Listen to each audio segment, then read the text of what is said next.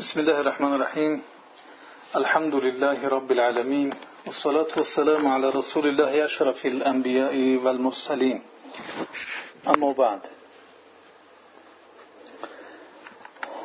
صحبت امروز ما سیرت پیامبر صلی الله علیه وسلم ادامه آن صحبت است که چگونه پیامبر صلی الله علیه وسلم در سالهای اولی پیامبریش اصحاب کرام را تربیه می نمود و تربیه پیامبر صلی الله علیه وسلم اصحاب کرامش را همه جانبه بود هم از جانب روحی و هم از جانب جسدی و هم از جانب اخلاقی همه جانبه آنها را تربیه می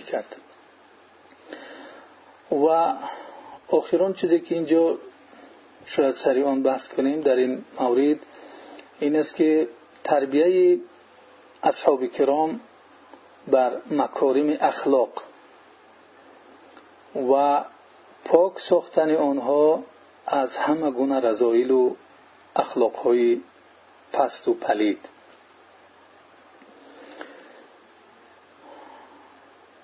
اخلاق بلند چگونه که در حدیث پیامبر صلی الله علیه وسلم آمده است که بعثت لاتمم مکارم الاخلاق من فرستاده شدم تا مکارم اخلاق را بهترین اخلاق را پرره بسازم از این جهت اخلاق بلند جزء مهم از عقیده می باشد. عقیده درست بدون اخلاق نمی‌تواند باشد. رسول الله صلی الله علیه و سلم اصحاب کرامش را بر مکارم اخلاق تربیه نمود و با اسلوب های گوناگون و مختلف.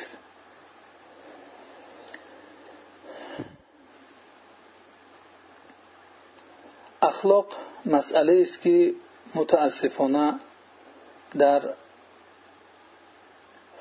بین مسلمان ها به آن همچون یک مسئله دویم درجه یا سیوم درجه نظر کرده می شود در حالی که پیامبر صلی الله علیه وسلم رسالت خود را محصور یا محدود به کامل کردن اخلاق حمیده می داند اخلاق بلند چگونه که ذکر کردیم یکی از جزءهای مهم عقیده می باشد گاه می شنویم که بعضی نفرها تنها در مورد عقیده صحبت می کنند و در مورد اخلاق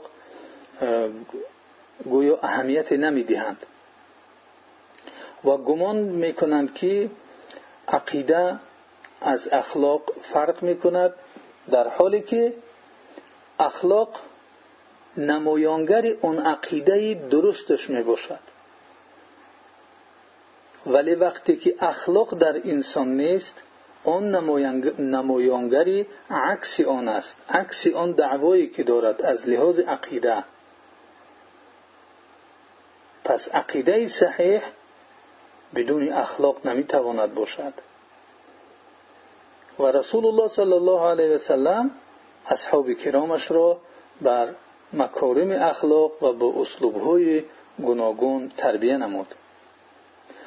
از پیامبر صلی الله علیه و سلم حدیث است که اساس این گفته ها می باشد ما شیء اثقل في میزان المؤمن يوم القيامة من خلق حسن وإن الله تعالى ليبغض الفاحش البذيء رسول الله صلی الله علیه و سلم میفرماید در میزان مؤمن روز قیامت از اخلاق نکودی در چیز وزنینتر نیست. در میزان مؤمن در ترازوی مؤمن روز قیامت از اخلاق نیکودیده چیز وزنینتر نیست. و در حقیقت الله سبحانه و تعالی کسی فاحش و بدی بدگو و بد سخن را بدرفتار و بد سخن را بد می‌بیند. هم اینجا حرف اینه و لا استفاده شده است که اینا تأکیدی در تأکید هستند که خداوند بد می‌بیند. کسی که اخلاق زیشت دارد و کسی که گفتار زیشت دارد. یعنی هم مسئله فعلی و هم مسئله زبانی که هر دوی اینها رو فرا می‌گیرد. اگر این چیزها که هم رفتارش زیشت باشد هم گفتارش زیشت باشد الله سبحانه و تعالی این گونه بنده را بد می‌بیند. این حدیث از پیامبر صلی الله علیه وسلم روایت شده است که در ترمیزی آمده است کتاب البر و الصله. و حکم این حدیث را حسن و صحیح گفته است. پس ببینید پیامبر صلی الله علیه وسلم به اخلاق نکو چی بها می‌دهد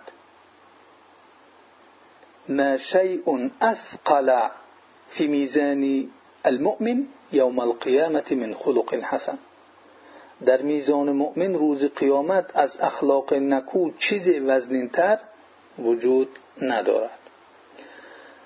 رسول الله صلی الله علیه و سلم پرسیده شد از چیزی که بیشتر مردم را بر جنت داخل می‌کند چیست؟ یعنی اصحاب کرام می‌خواستند پیدا بکنند آن کار را آن گفتار را که بیشتر انسان را به جنت می‌برد. پیامبر صلی الله علیه وسلم در پاسخ آنها گفت تقوی الله و حسن الخلق. آن چیزی که بیشتر مردم رو به جنت میبرده است پیامبر صلی الله علیه وسلم برای اصحابش این را پاسخ داد. تقوای الله از خدا ترسیدند. اطاعت کردن الله سبحانه و تعالی در همه صورت یعنی فرمان برداری نمودن الله سبحانه و تعالی در امرهایش و از آن چیزی که نهی کرده است دور بودن و این چنین حسن الخلق اخلاق نکو. این دو چیزی رو که پیامبر صلی الله علیه وسلم ذکر کرد پاسخ آن است که اصحاب می‌خواستن بدانند که چی کار کنیم که یا چی کارهایی است که بیشتر مردم رو به جنت داخل می‌کند. چی کارها سبب می‌شوند که آنها یعنی آن دو چیزی که بیشتر مردم را سببی به جنت داخل شدنشان می بوده است این تقوای الله سبحانه و تعالی نمودن و اخلاق نکو داشتن. و باز پرسیدند اصحاب کرام که چی چیزی است که بیشتر مردم را به آتش دوزخ باز سوال دادند که چی چیزی است که بیشتر مردم را به آتش دوزخ وارد می‌کند. پیامبر صلی الله علیه و سلم پاسخ دادند که الفم و الفرج فم دهان است و فرج این اندام های نهانی انسان است. بیشتر مردم که به دوزخ می روند به سبب دهان و به سبب اندام نهانیشان است. این است آن تربیه که پیامبر صلی الله علیه و سلم اصحاب کرام را نمود. ببینید که آنها وقتی که از جهت اخلاق تربیه میافتند به پیامبر صلی الله علیه و سلم چی سوالها می‌دادند؟ سوالهای امروز خود را ما مقایسه بکنیم با سوالهای اصحاب کرام.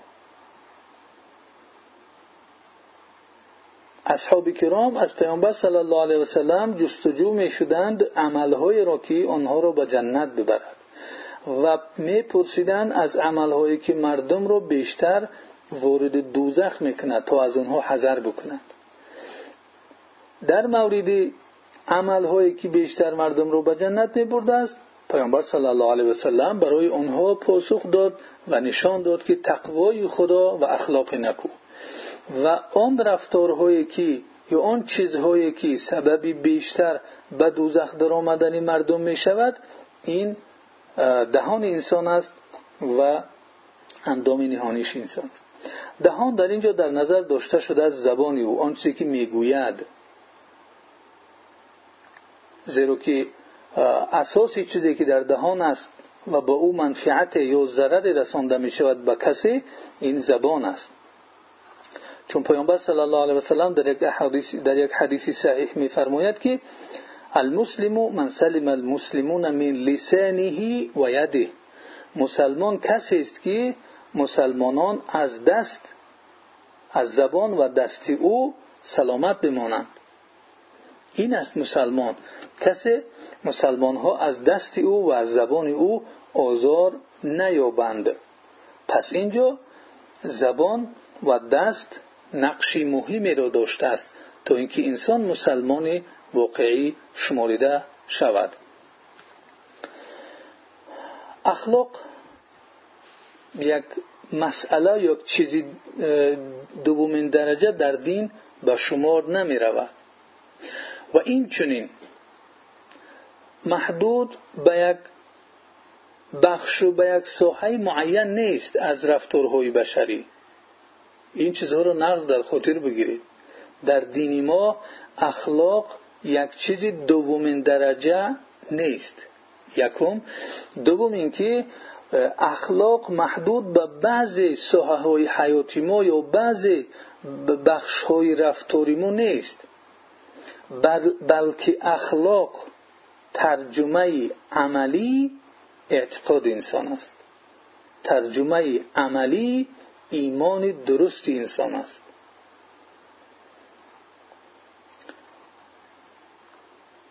یعنی این گونه است اخلاق. اخلاق ترجمه عملی اعتقاد و ترجمه عملی ایمان درست انسان است. زیرا که ایمان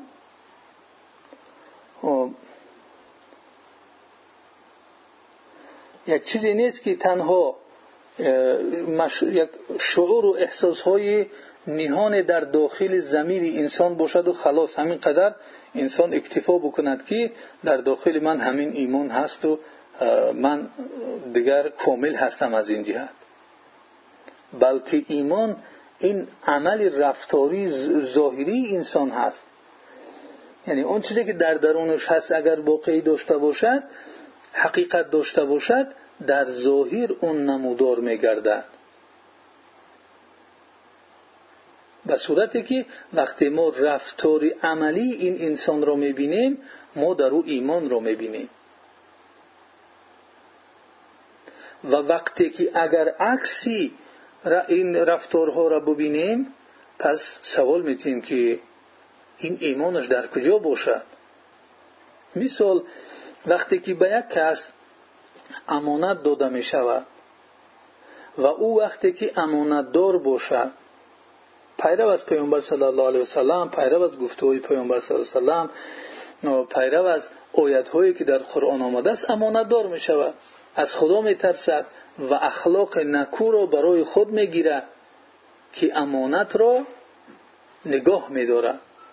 پس این همه او را می‌گویند که این بسیار انسان مسلمان خوبی بوده است که امانتدار است. ولی وقتی که ببینیم یک انسانی که به او امانت داده شد خیانت کرد. به امانت خیانت کرد. پس میگن که او آیا ایمان دارد؟ چنین سوال می‌کنن یعنی در حال وقتی که یک مسئله اخلاقی در او وجود ندارد یا از او این مسئله می‌بینیم که کمی او کاستی می‌شود برای او مثلا یک کسی مال می‌دهد که این امانتی من را نگه بدار یا برای او چیزی می‌دهد یا اینکه یک کارگر دارد او را در کارخانهش میماند که این مال من را نگاه بکن. خب کارگرش است و امثال اینها امانت ها زیاد هستند. پس وقتی که امانت داری نکرد او میگه این چه مسلمان است؟ یا آیا او ایمان دارد؟ و پیامبر صلی الله علیه و سلم هم در احادیث زیاد در مسئله امانت ذکر می‌کند که یکی از علامت های منافق منافق کسی است که ایمان او درست است. ظاهرا ایمان را نشان می‌دهد ولی باطنا ایمان ندارد. و اذا تومن خان اگر امانت داده شد خیانت می‌کند. لا ایمان لمن لا امانت له. پیامبر صلی الله علیه و می‌گوید ایمان ندارد کسی که امانت ندارد. یعنی این فقط ما یک مثال آوردیم. اینجا مثال ها زیاد هستند. برای روشن شدن این مسئله. که وقتی که یک اخلاق در انسان باشد اخلاق حمیده میگن که بسیار انسان خدا ترس است بسیار مؤمن خوب است. چرا میگن مؤمن خوب است؟ از همون رفتار و اخلاق خوبش. اون رفتار و اخلاق خوبش دلالتگری ترجمه کننده ای اون ایمانی که در زمیرش هست می باشد ولی وقتی که اون اخلاق ندارد اخلاق درست ندارد اخلاق بد دارد پس مردم سوال می‌کنند که پس ایمان اون در کجاست؟ یا اینکه آن ایمانی که دارد وقتی که به عمل تحویل نمی شود به عمل نمودار نمی شود اون چی ارزش دارد اون ایمانش؟ ایمان خوب دارد دشنام میتید میگد من ایمان دار هستم دروغ میگد. میگد من ایمان دارم خب غیبت می‌کند. میگد من ایمان دارم خیانت می‌کند. میگد من ایمان دارم یک مسلمان از ظلم می‌کند. می‌گوید که من ایمان دارم حق انسان نمیتید پس این چه ایمان است؟ اون چگونه ایمان است که برای او اجازت میتید که ظلم کند خیانت کند غیبت کند دروغ بگد حقارت کند دشنام تید این چه ایمان است؟ اگر ایمان درست می بود برای او این چیز را اجازت نمی‌داد. و اگر که می‌بینیم در او این اخلاق ها هست این دلالتگری ایمانی درستش است. از این جهت می‌بینیم که در قرآن کریم قرآن کریم بین اخلاق و عقیده بسیار یک علاقه قوی را ربط میکناند و مثال ها در این باره زیاد هستند. خب انسان می‌تواند که برای مثال به سوره مؤمنون مراجعت کند آیه یکم تا یازدهم سوره انعام آیت های 151 153 سوره رعد آیه های 19 22 سوره اسراء آیه های 23 28 و غیر اینها آیه های هستند که در اینجا علاقه بین ربط بین اخلاق و عقیده از طریق قرآن بسیار یک ارتباط قوی داده شدگی است.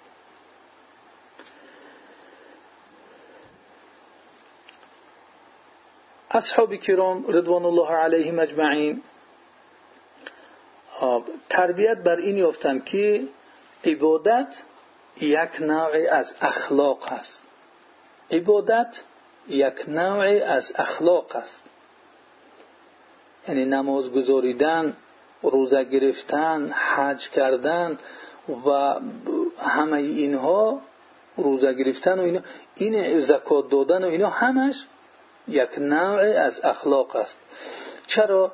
زیرا که این عبادت ها یک دری از درهای وفاداری به الله سبحانه و تعالی نمودن است.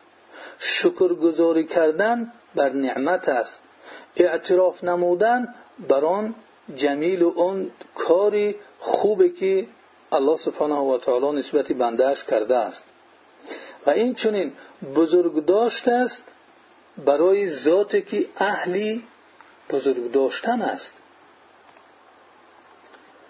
تعظیم و بزرگ داشتنی آن ذاتی که سزاواری بزرگی است. و همه اینها از مکارم اخلاق است. یعنی ببینید اصحاب کرام عبادت را یک نوع از اخلاق می شماریدند چرا؟ زیرا که این عبادت دری از دروازه های وفاداری به خداوند است و شکر به نعمت اعتراف به جمیل اعتراف به کار خوبی که الله سبحانه و تعالی نسبت بندهش کرده است می باشد و این چنین یک عبادت یک نمود بزرگ داشته است نسبت ذاتی که اهل بزرگی است. اهل بزرگداری است. یعنی سزاوار است که پیش او انسان سرخم بکند او را اطاعت بکند و فرمان برداری کند. همه اینها از مکارم اخلاق هستند. پس اخلاق اصحاب کرام اخلاق ربانی بود. اخلاق اصحاب کرام آن چیزی که آنها را برمی انگیخت انگیزه اخلاقی آنها انگیزه ایمانی به الله بود. آن چیزی که آنها را وادار می‌کرد که این اخلاق را داشته باشند آن ایمانی به خدا شد. و آنچه که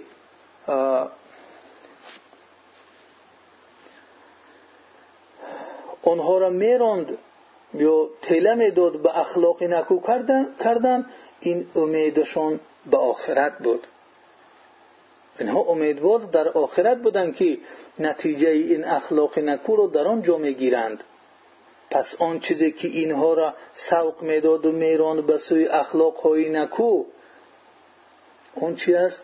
امیدی به آخرت است و مقصدشان به دست آوردن رضایی الله سبحانه و تعالی و پاداش اوست.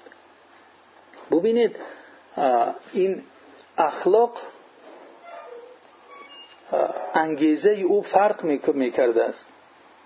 انگیزه ای که در اصحاب کرام بود به اخلاقشون این چی بود؟ اخلاق آنها اخلاق ربانی بود و انگیزهشون ایمانی به الله سبحانه و تعالی بود.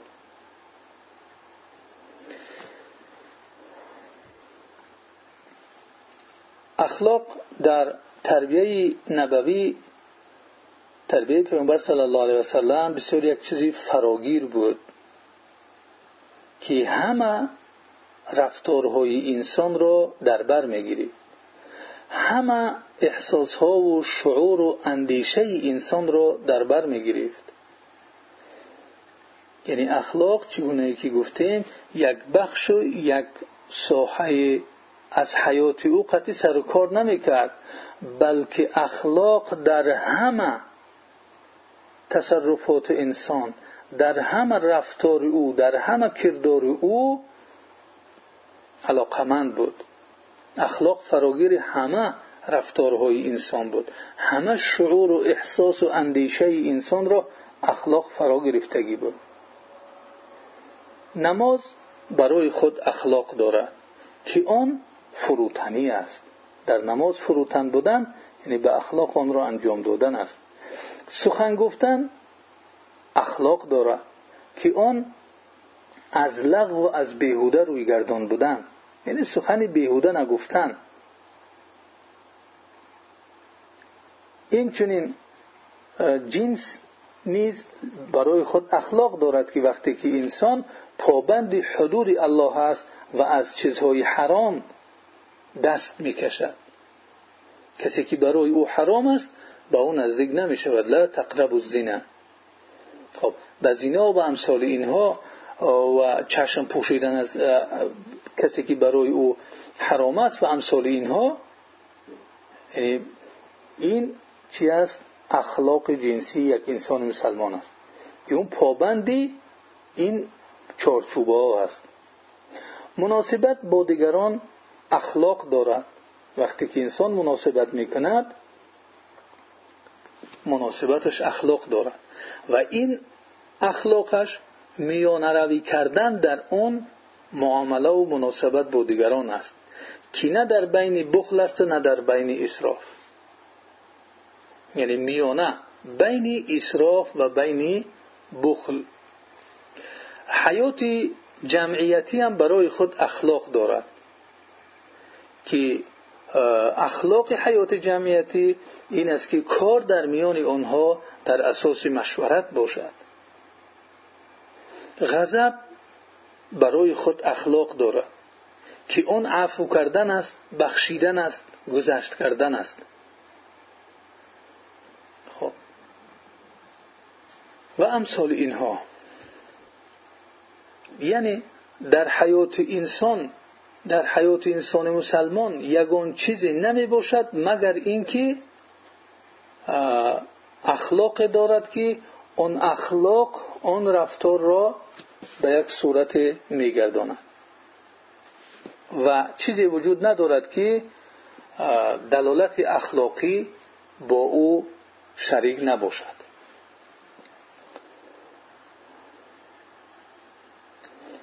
الله سبحانه و تعالی را یعنی یگانه پرستی رو که اون الله سبحانه و تعالی رو در عبادت نمودن این توحید است.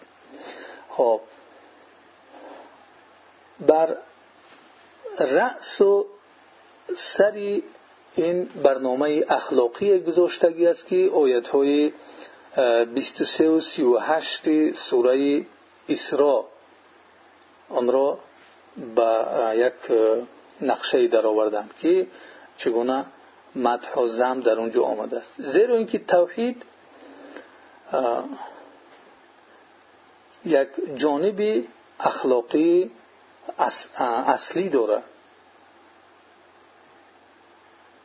خب که وقتی انسان استجابت می‌کند این های اخلاقی توحید را که این است؟ پابند می باشد به اخلاق عدالت به اخلاق انصاف به اخلاق صداقت با نفس. یعنی خودش را فریب نمی نفسش را فریب نمی دهد همچنین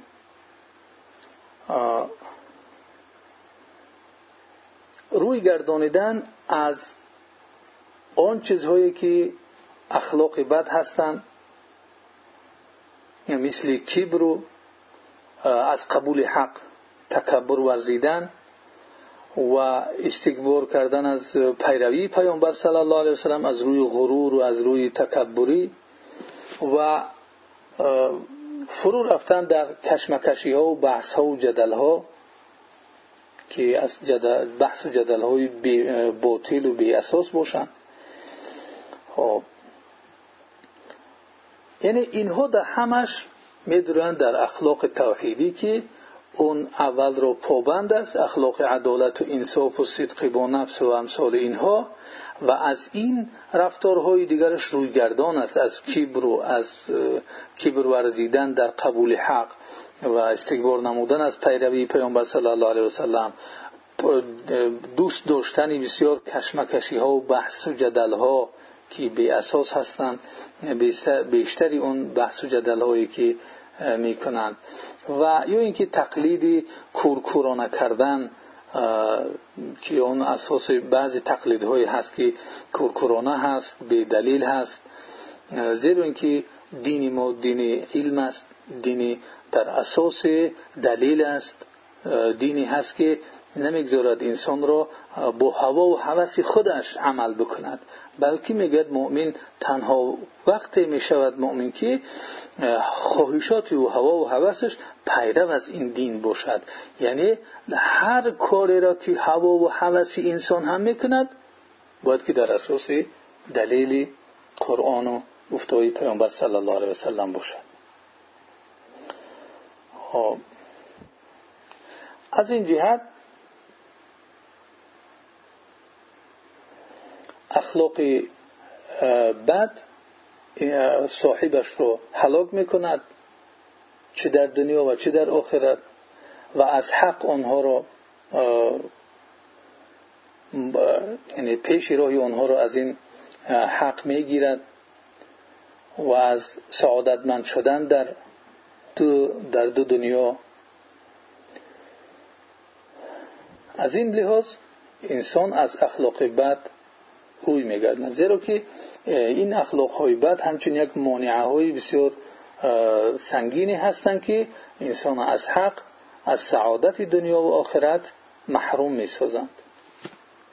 پیامبر صلی الله علیه وسلم اصحاب کرام را در اساس این معانی تربیه می نمود و این چونین تربیه اصحاب کرام بر مکارم اخلاق از طریق قصه های قرآنی انجام می گرفت یک راهی که پیامبر صلی الله علیه و اونها را تربیه می‌کرد یا که اصحاب کرام تربیه اخلاقی گرفتند این از طریق قصه های قرآنی می باشد قصه قرآنی پر از پند و حکمت هستند.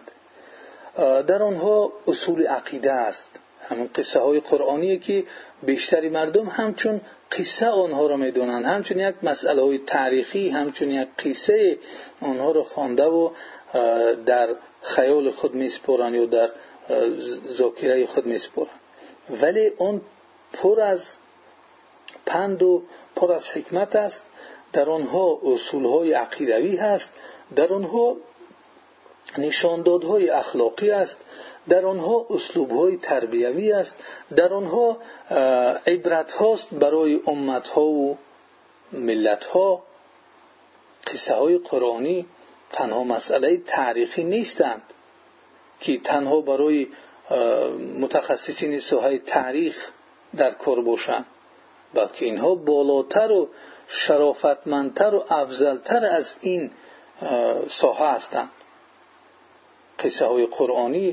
پر از توحید و پر از علم و پر از مکارم اخلاق و پر از حجت عقلی و بینش و پند و بسیار صحبت ها و محاوره های است. انسان از طریق قرآن می‌تواند همه چیزی که در حیاتش لازم است بیاموزد و آموختنش از دیگر چیزها از این جهت فرق می‌کند که این اساسش اساسی قرآنی هست و بسیار مستحکم است از اون جهت که الله سبحانه و تعالی آن را گفته است. و در این قصه ها دیده می شود که پیامبران چگونه با مردم های مختلف با فرعون و با نمرود و با ابو جهل و با دیگر دیگر خب مردم صحبت می‌کردند. دلیل می آوردند آنها چگونه مناسبت می‌کردند؟ خداوند برای آنها چی راه را نشان می‌داد؟ از اینجا انسان می‌تواند راه های بیان کردن دین را برای مردم بیاموزد. گاه ها نظر می‌کنیم که بعضی نفرها وقتی می‌خواهند دین را بیان بکنند چنان به یک صورت بیان می‌کنند که یعنی در قرآن ما آنگونه نمود دعوت و آنگونه نمود بیان کردن دین را پیدا کردن نمی‌توانیم و برای مردم هم ممکن است که سخت می‌رسد. و از این جهت دانشمندان هم از حیات پیامبر صلی الله علیه وسلم حیات اصحاب کرام و از گفته های خداوند در قرآن به خلاصه های آمدند که ما حتی برای صحبت کردن برای دعوت کردن همه این چیزها را باید از قرآن بیاموزیم. و چگونه الله سبحانه و تعالی برای ما این راه ها را تعلیم داده است و پیامبران چگونه مناسبت کردند؟ چگونه رفتار کردند؟ یکی از دانشمندان در زمان خلفای دوره اموی است یا تقریبا زمان اموی است. میآید با یک لحنی بسیار درشت صحبت می‌کند بسیار داد و فریاد می‌زند. اون خلیفه می‌گوید که یعنی ای فلان نه من فرعون هستم و نه تو موسی. وقتی که موسی علیه السلام را که بهتر از تو بود به نزد فرعون که بدتر از من بود فرستادش گفت که و قول له قولا لینا لعله یتذکر او یخشه برید با او باید نرمی سخن بگویه و قول له یعنی به فرعون هر دوتان موسی و هارون قولا لینا یک گفتار نرمی به او بگویه با نرمی برای او بفهمونید بیان بکنید. یعنی این گونه آن خلیفه برای آن دانشمندی که اسلوبی دعوت رو خطا کرد یعنی آن رو از قصه قرآنی درست کرد و برای اون داد که در قرآن این گونه آمده است و این گونه پیامبران رفتار می‌کردند نه به آن صورتی که به تو معقول است. خب، در اینجا به طریق مثال می‌توان از قصه یوسف علیه السلام بسیار مسئله را برای مثال آورد که اخلاق را که یوسف علیه السلام در قصهش برای ما عرض شده است بسیار پر از عبرت هاست.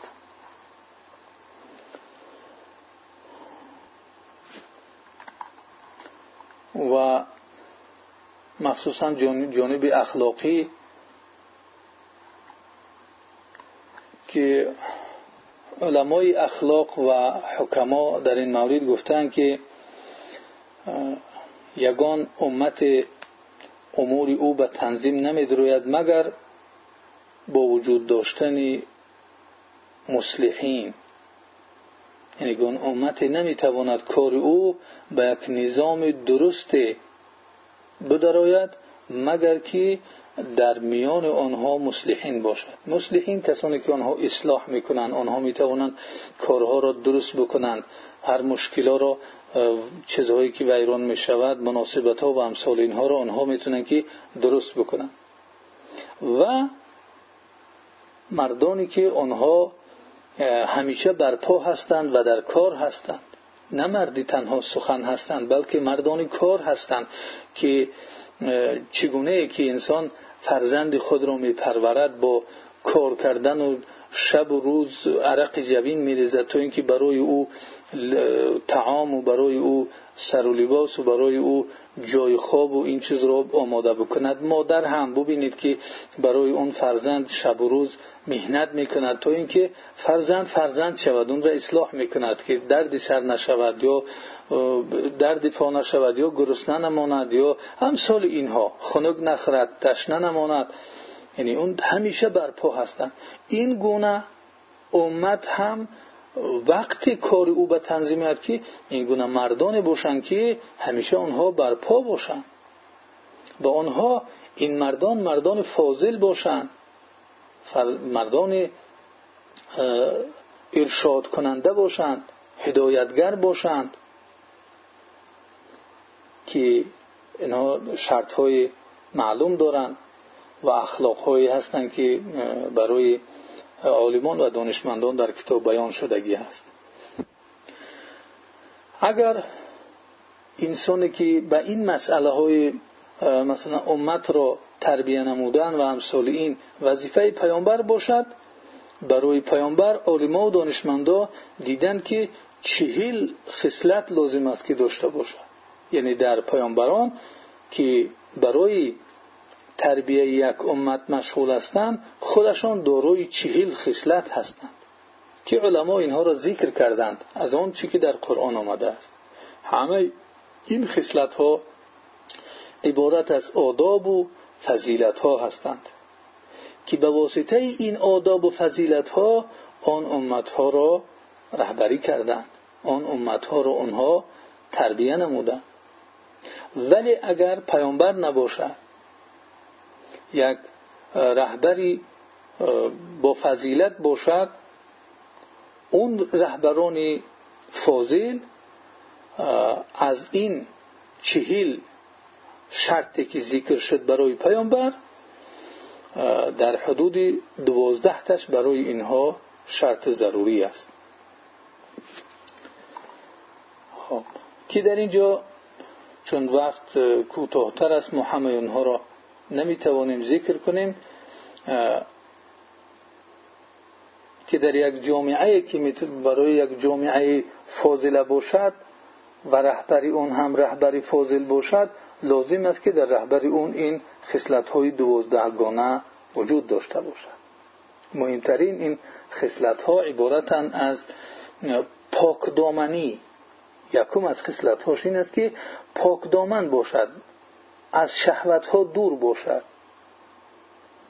این کسی که از شهوت رانی و از این چیزها دور است آن نفس خود را می‌تواند که در یک چارچوبه قرار بدهد. و قوه نفسانی او هم به یک قوه پره و کامله می باشد که می‌تواند که رهبری آیه 24 سوره یوسف اعوذ بالله من الشیطان الرجیم كذلك لنصرف عنه السوء والفحشاء انه من عبادنا المخلصین. این تا از او دور بکنیم بدی را و فحشا را. یعنی بدی و فحشا این چیزهایی که به شهوت و امثال اینها علاقه مندی دارن یعنی در یوسف علیه السلام این چیزها نبودن. که این قصه برای شما معلوم است و برای اون به آن قصه دویم باره بر نمی‌کرد مسئله دیگر این است که یعنی یکم باید که اخلاق افت رو داشت دامن باشد. از همه کارهای حرام دور باشد. یک رهبری فاضیل بر یک جامعه فاضیل اولین شرطش این است که دامن باشد. دومین شرطش چیست؟ بردباری و حلم داشته باشد. هنگام غضب کردن تا اینکه نفس خود را بتواند در چارچوبه قرار بده. بردباری و حلم هنگام غضب. دلیل این هم از سوره یوسف آیه 77 شده می‌تواند که اعوذ بالله من الشیطان الرجیم قالوا ان یسرق فقط سرق فقط سرق اخ له من قبل. گفتن که اگر میدزدید اون برادر این پیش این میدزدید یعنی حتی در پیش یوسف علیه السلام را گفته ایستادن و نمی‌دونند که اون یوسف است. فاثرها یوسف فی نفسه ولم یبدیها لهم. یوسف علیه السلام این را در نفس خود پنهان داشت. دیگر آشکارش نکرد که شما دروغ میگید شما چی میگید؟ ولم یبدیها لهم آشکار نکرد برای اونها این چیز را. خب. اینم یکی از اخلاق مهمی هست که یک رهبر فاضل باید که داشته باشد و این چونین شرطی سوم این است که یک انسان نمی‌توند که همیشه به یک حالت نرمی باشد. شدت هم برای انسان ضرورت دارد. پس این انسان فاضله که در جامعه یک جامعه فاضله را می‌توند که ایجاد بکند پیدا بکند. بتواند که در حالتی که لازم است نرمی نمودن نرمی بکند و در حالتی که شدت و سختی لازم است سختگیری بکند. هر یکی از اینها جای خود را دارد موضع خود را دارد. اون انسان فاضل می‌تواند که جایهای اونها را مشخص بکند و در موضع نرمی نرمی و در موضع شدت شدت بگیرد. دلیل این آیه های 59 و 60 سوره یوسف است. که چگونه که برای اونها می‌گوید که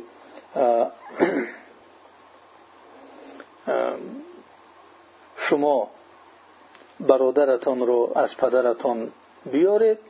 دفعه دیگر که آمدید ببینید که من برای شما چگونه یعنی پیمانه را پره می‌دهم و من بهترین مهمان نواز هستم. اگر شما نیایید پس شما پیش من یگان پیمانه ای ندارید ولی تقربون و به من نزدیک هم نشوید. پس آیه 59 نرمی و آیه 60 در آنجا شدت و سختی است. یعنی در جایی که لازم بود نرمی کردن نرمی گفت و در جایی که سخت گفتن در کار بود سخت گفت. این شرط ها باید که در یک شخص راهبری فاضل و در برای ایجاد یک جامعه فاضل مهم هستند. چهارم شرطش این است که به خودش باوری داشته باشد. در اساس اعتمادش بر خداوند.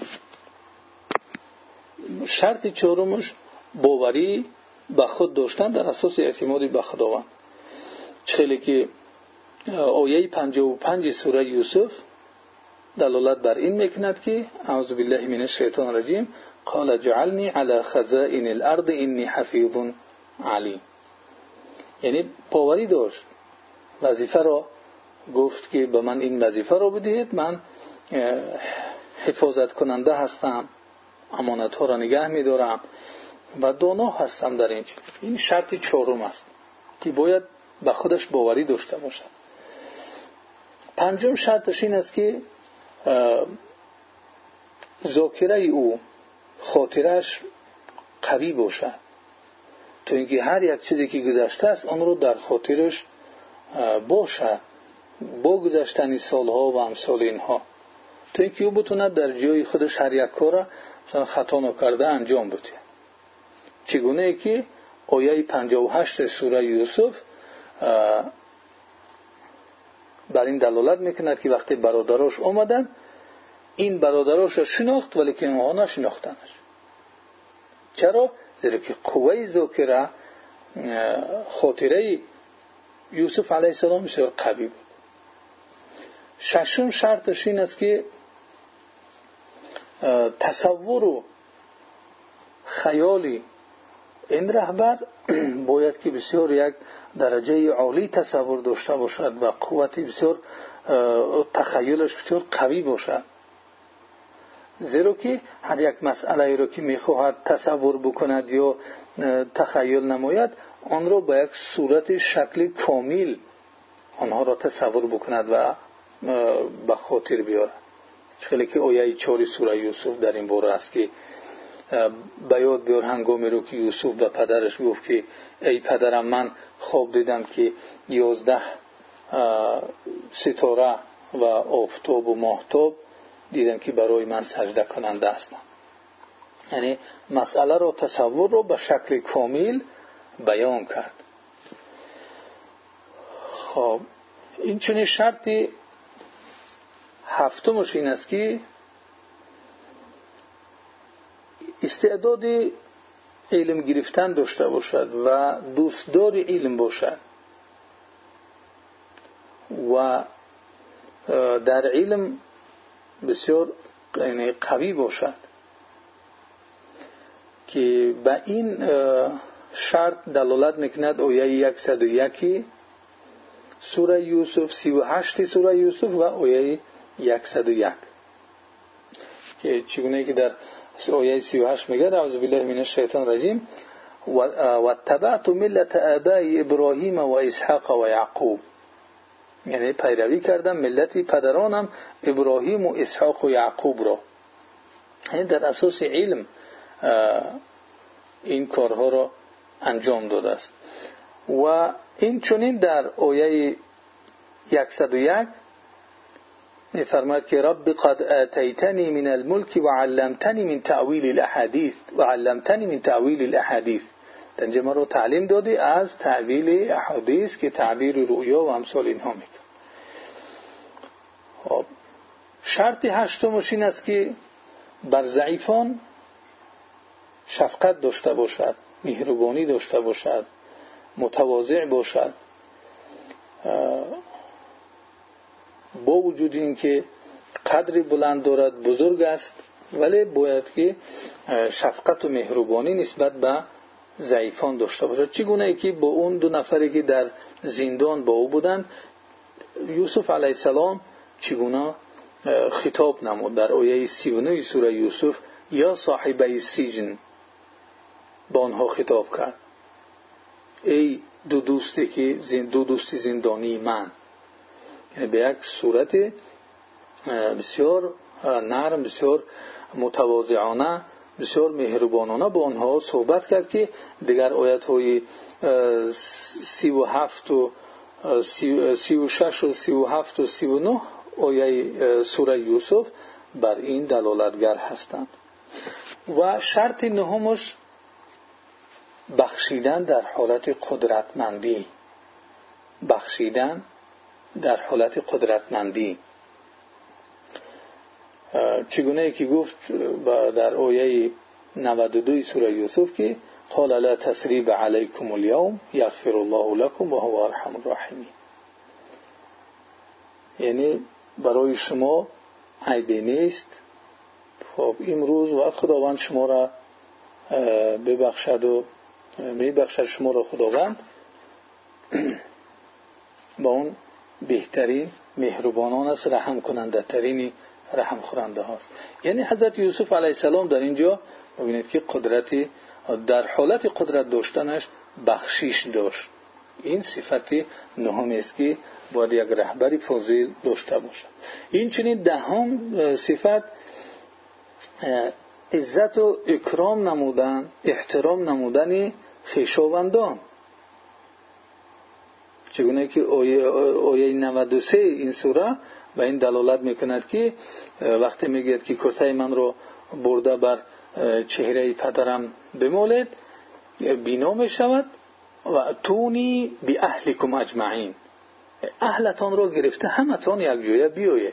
یعنی زن, زن و فرزندانتان رو گرفته بیاید یعنی این اکرام عزت نمودن خیش و تبار است. اینم یکی از شرط یک رهبری فاضل است. چنین نشود که انسان وقتی به یک رهبری یا که یک منصبی رسید دیگر اون خشتبو رو از خاطرش برارد به سبب رسیدنی به اون منصبش. بلکه آنها رو عزت می‌کند احترام می‌کند. یکی از شرط های رهبری فاضل این است. یازدهم شرطش این است که در بیان نمودنش بسیار فسیح و قوتی بیان داشته باشد. چگونه که دیدیم که پادشاه وقتی خواب دید خوابی اون را خیلی یک صورت خوبی بیان کرد که برای اون بسیار خوب بود فساحت و بیان یوسف علیه السلام که در حال اون را یعنی پذیرفت و دلیل این آیه 54 سوره یوسف است. فلما کلمه قال انك اليوم لدينا مكين امین. یعنی با اون گفته یوسف علیه السلام بسیار قناعتمند شد بسیار دوست داشت که این گونه انسان در پهلوی من باشد امکانیت برای او داده شد و امانتدار در نزد خودش دیگر او را گذاشت. دوازدهم شرطش این است که تدبیر امور را بسیار نکو بکنند چگونه که آیه 47 در این باره است که اون مسئله پلن 15 ساله را چگونه یوسف علیه السلام کشید که تا امروز اقتصاددان ها از این استفاده می کنند و در کتاب های اقتصادی آن آموخته می شود که آن را تقسیم کرد هفت سال و هفت سال و یک سال. یعنی پانزده سال نقشه پانزده ساله را یوسف علیه السلام کشید که این حسن تدبیر و تدبیری نکوی بود که در قرآن آن ذکر شده است. این است قصه های قرآنی علاقه زیچی دارند با اخلاق مستحکم اخلاق متینی که یک انسان مسلمان باید داشته باشد.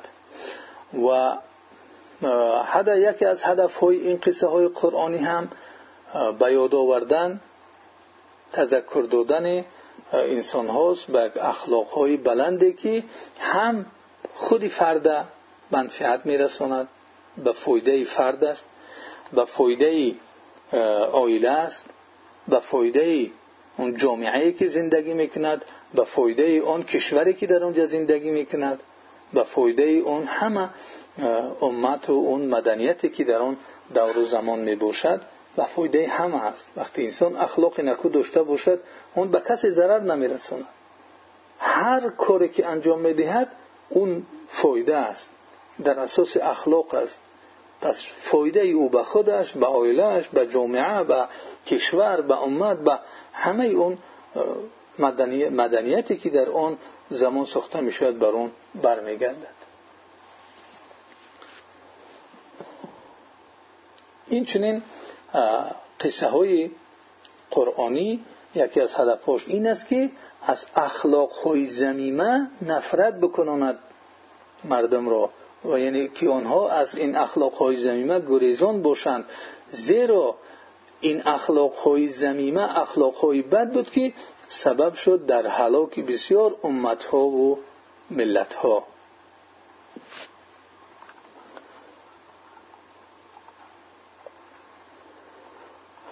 این بود آن چیزی که می‌خواستیم از تربیه پیامبر صلی الله علیه و سلم اصحاب کرام رو با هم صحبت داشته باشیم.